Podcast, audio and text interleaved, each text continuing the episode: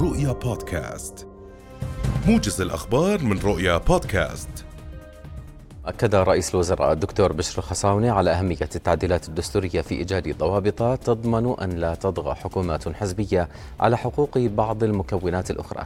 وأضاف الخصاونة خلال مناقشة مجلس الأعيان للمادة الثانية والعشرين من مشروع تعديل الدستور لعام 2021 أن فلسفة التعديل تتعلق بحزمة تحديث المنظومة السياسية لحين الوصول لأغلبيات حزبية منظمة في البرلمان.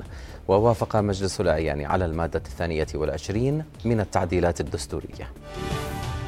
أصدرت وزارة الصحة قرارا بتخفيض مدة عزل مرضى كورونا اعتبارا من اليوم. ووفقا للقرار فقد أصبحت مدة عزل المرضى الذين لا يعانون من أي أعراض سبعة أيام. وللمرضى الذين يعانون من ارتفاع درجة الحرارة عشرة أيام على أن تكون آخر 24 ساعة بدون أعراض ارتفاع الحرارة. بلغ عدد المسجلين للاستفادة من التعرفة الكهربائية المدعومة إلى ما يزيد عن 152 ألفا حتى صباح اليوم وفق وزارة الاقتصاد الرقمي والريادة.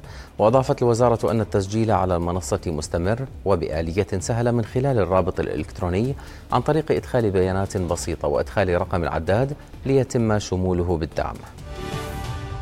وقعت الحكومة والبنك الدولي اتفاقية قرض بقيمة 112 مليون دولار بهدف دعم مشروع تحفيز التشغيل واكتساب المهارات في القطاع الخاص.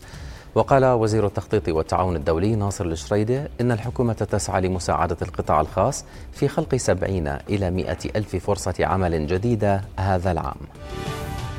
قال رئيس وحدة الدراسات والتوثيق في هيئة شؤون الأسرى والمحررين الفلسطينية عبد الناصر فروانة إن حوالي 600 أسير في سجون الاحتلال الإسرائيلي يعانون من الأمراض وأضاف أن العشرات منهم يعانون أمراضا خطيرة كالقلب والفشل الكلوي والشلل والسرطان وبعضهم فقد القدرة على الحركة بدون مساعدة. متوقعا فروانة ارتفاع أعداد المرضى الأسرى في سجون الاحتلال الإسرائيلي. وفي لبنان شل الإضراب العام الذي دعت إليه اتحادات نقابات النقل البري والاتحاد العمالي العام حركة البلاد من العاصمة بيروت إلى مختلف المناطق. وقطع محتجون الطرقات والتقاطعات ومعظم مداخل العاصمة اللبنانية منذ الساعة الخامسة صباحا احتجاجا على تدهور الأوضاع الاقتصادية والمعيشية في ظل الهبوط المستمر لسعر صرف الليرة اللبنانية.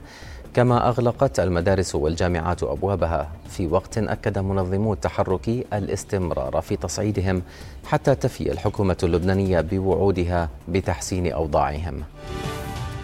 أكدت مديرية الأمن العام ضرورة الحذر خلال المنخفض الجوي الذي سيؤثر على المملكة في الساعات القادمة والقيادة بتأني والابتعاد عن مجاري الأودية والسيول والاستخدام الآمن لوسائل التدفئة.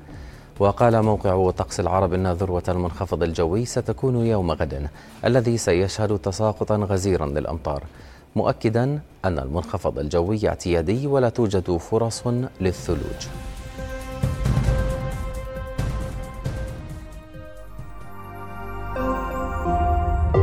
رؤيا بودكاست.